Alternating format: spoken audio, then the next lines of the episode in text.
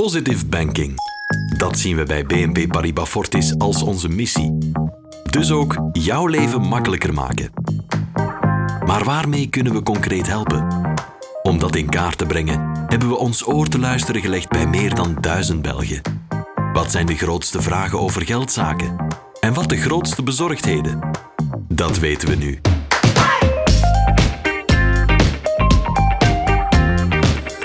In Ask Your Bank geven we antwoorden in heldere taal om je nog beter van dienst te kunnen zijn.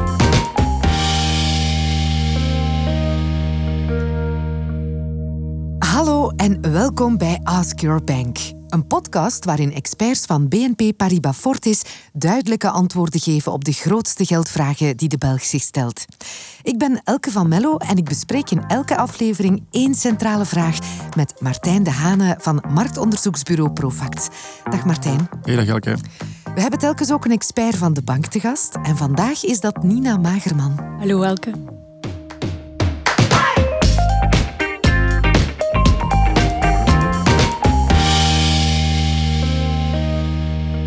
We gaan meteen over naar de vraag van vandaag.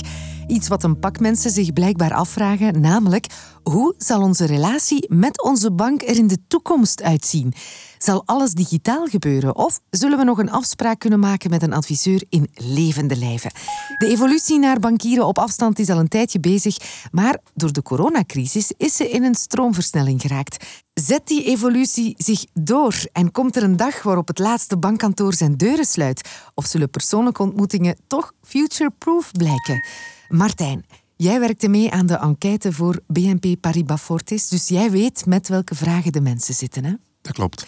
En Nina, welkom. Jij bent strategisch expert voor de particuliere klanten bij BNP Paribas Fortis. Jij hebt dus een goed beeld op hoe de interactie tussen de bank en de klanten er in de toekomst uit zal zien. Inderdaad. Martijn, ik begin bij jou. Wat vertelt jouw onderzoek over de relatie van mensen met hun bank? Wel in de eerste plaats dat ongeveer de helft van de Belgen nadenkt over de manier waarop dat ze in de toekomst met hun bank zullen communiceren.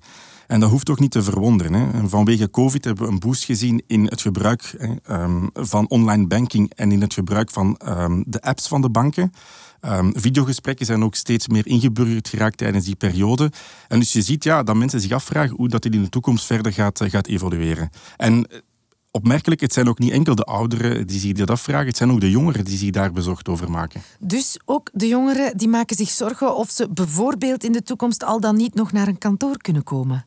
Ja, effectief. Hè. Ehm, die bezorgdheid leeft zelfs het sterkst in die groep tussen 18 en 29 jaar, eh, jaar oud. Nu, wat betreft de ouderen hoeft dat ook niet te verwonderen. Hè. Um, tijdens COVID eh, zijn die mensen ook steeds meer, uh, bij wijze van spreken, verplicht geweest om zich meer en meer digitaal te gaan gedragen. Hè. Op een bepaald moment waren de winkels dicht, zijn ze naar e-commerce moeten gaan. We zien ook dat er meer smartphones zijn gekocht om met hun kleinkinderen of met hun kinderen te communiceren. Dus die groep heeft een ongelofelijke inhaalbeweging gemaakt. Ja, hoe zit dat bij jullie eigenlijk trouwens? Jullie zijn, als ik naar jullie kijk, uh, dertigers. Uh, hoe lang doen jullie al aan online bankieren? En doen jullie sowieso al al jullie bankverrichtingen online? Ik kijk even naar Nina. Um, ik denk dat ik zo'n 15 jaar geleden gestart ben met digitaal bankieren. Toen in mijn studententijd nog. Um, op dat ogenblik wel via de website en niet via een app, omdat ja, smartphones waren toen nog helemaal niet zo ingeburgerd als vandaag het geval is. Uh, jongeren vandaag, daar zien we wel dat die veel meer de app gaan gebruiken, eigenlijk hoofdzakelijk de app gebruiken. Uh, zij gaan daar ook veel gemakkelijker mee om. Dat is een natuurlijke habitat, um, aangezien dat zij opgegroeid zijn in een digitale omgeving. Ik zelf nu, als ik het dan nu bekijk, werk ook eigenlijk bijna uitsluitend via de app. Um, ik vind het super handig dat dat gewoon altijd beschikbaar is, 24 op 24, 7 dagen op 7. Mm -hmm. Je haalt aan dat jongeren heel gemakkelijk omgaan met het digitale verhaal. Maar de enquête toont ook wel aan dat jongeren ook wel met behoorlijk wat vragen zitten over bankieren in de toekomst. Verrast jou dat dan? Nee, eigenlijk helemaal niet. Jongeren zijn inderdaad wel vertrouwd met de digitale context, met de apps en de websites, hoe dat allemaal werkt. Maar uh, de financiële context, dat vormt voor hun wel nog een onbekende. Weten hoe een woonkrediet werkt, wat dat er komt zien bij het beleggen en zo verder. Dat is iets waar dat ze echt wel nog financiële begeleiding nodig hebben en waar dat ze ook wel graag terecht kunnen bij een expert voor al hun vragen. Ja, en niet alleen de jongeren hoor, als ik naar mezelf kijk.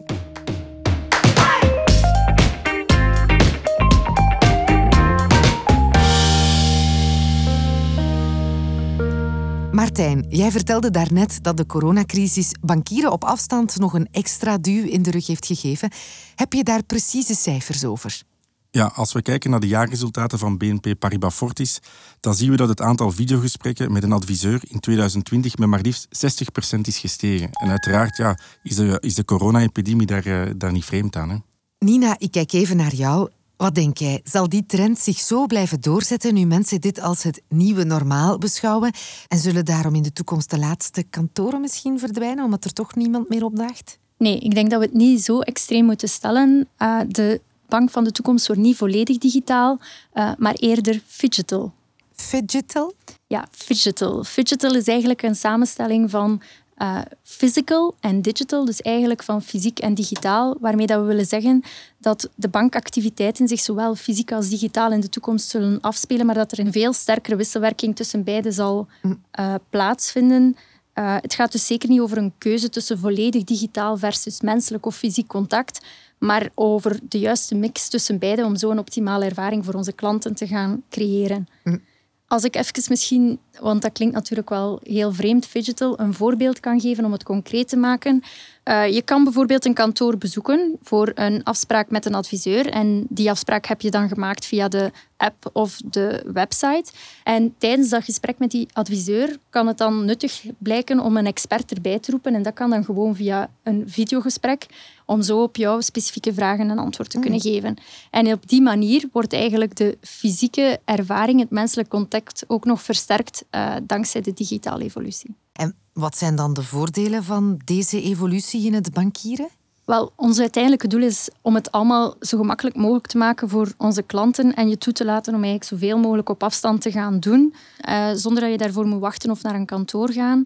Maar natuurlijk voor complexere zaken heb je nog steeds de mogelijkheid om een beroep te doen op uh, een expert. In veel gevallen zal dat gewoon op afstand kunnen via videogesprek, maar uh, de mogelijkheid blijft wel behouden om naar een kantoor te gaan voor een persoonlijke ontmoeting met een adviseur. Klinkt allemaal erg handig. We zien ook dat heel wat klanten uh, steeds meer vertrouwd raken met videogesprekken en er ook echt voor openstaan om dat nog vaker te gaan gebruiken. Klanten geven ook echt aan dat het contact via dat videogesprek perfect tegemoet kwam aan hun noden en verwachtingen mhm. en ook hun beschikbaarheid en dat het allemaal heel vlot en heel vertrouwd aanvoelde eigenlijk. Ja, als ik daar even op mag inpikken, als klant kan ik dat bevestigen. Hè. Um, ik heb uh, bij BNP Paribas Fortis een professioneel krediet afgesloten tijdens de COVID-crisis. En eigenlijk is heel dat proces uh, digitaal verlopen, videogesprekken, uh, de papieren die over en weer werden gestuurd, getekend, digitaal enzovoort. En eigenlijk was dat voor mij um, een fantastische ervaring. Hè. Um, tijdsefficiënt. ik moest mij niet verplaatsen, dus top voor mij. Dus jij kijkt uit naar een digital future. Ja, absoluut. Voor mij is het echt hybride.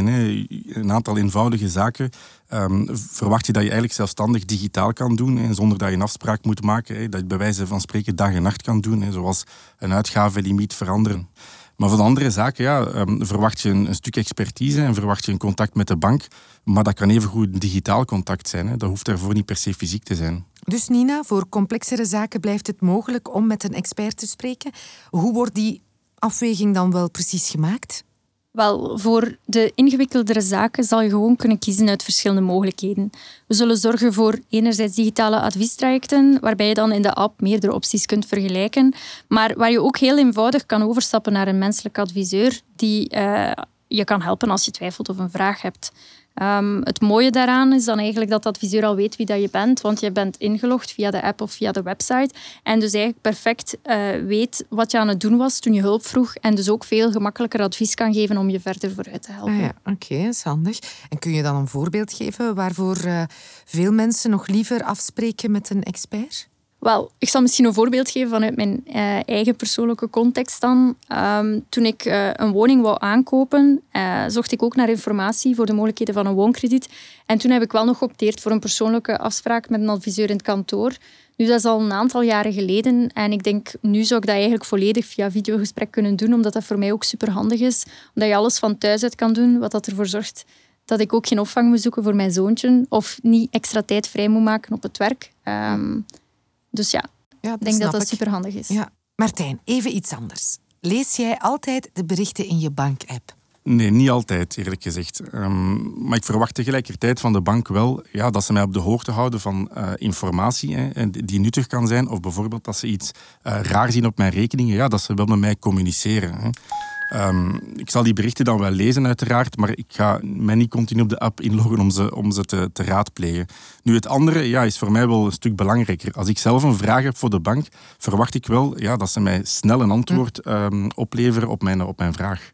Dan kijk ik naar Nina. Is dat iets waar jullie sterk op inzetten? Ja, zeker. We willen er eigenlijk voor zorgen dat je relatie met de bank veel interactiever wordt. Uh, ja, de bankapp die heeft het voordeel dat je niet moet wachten tot als uh, jezelf een vraag stelt, maar die kan eigenlijk proactief tips gaan geven. Bijvoorbeeld als zij ziet dat er een ongewone transactie gebeurd is of als je uitgavenlimiet bereikt is. Um, en ik kan ook vertellen wanneer dat er een kans is dat je misschien iets extra kan besparen of gewoon ook bij verdienen.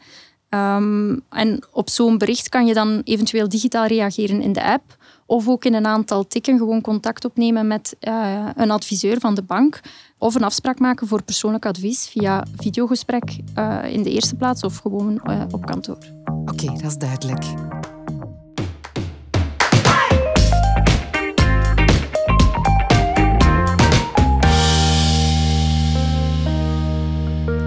Aan het einde van de podcast probeer ik de belangrijkste boodschap altijd even samen te vatten. En voor deze is dat, denk ik, dat de bank van de toekomst je de keuze geeft. Je zal meer zaken digitaal kunnen regelen wanneer het je past en advies krijgen via gesprekken op afstand.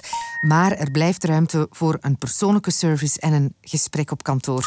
Het wordt Digital. Ik heb een nieuw woord geleerd. Dat is de samenvoeging van digital en physical. Wat zijn jullie belangrijkste conclusies? Martijn?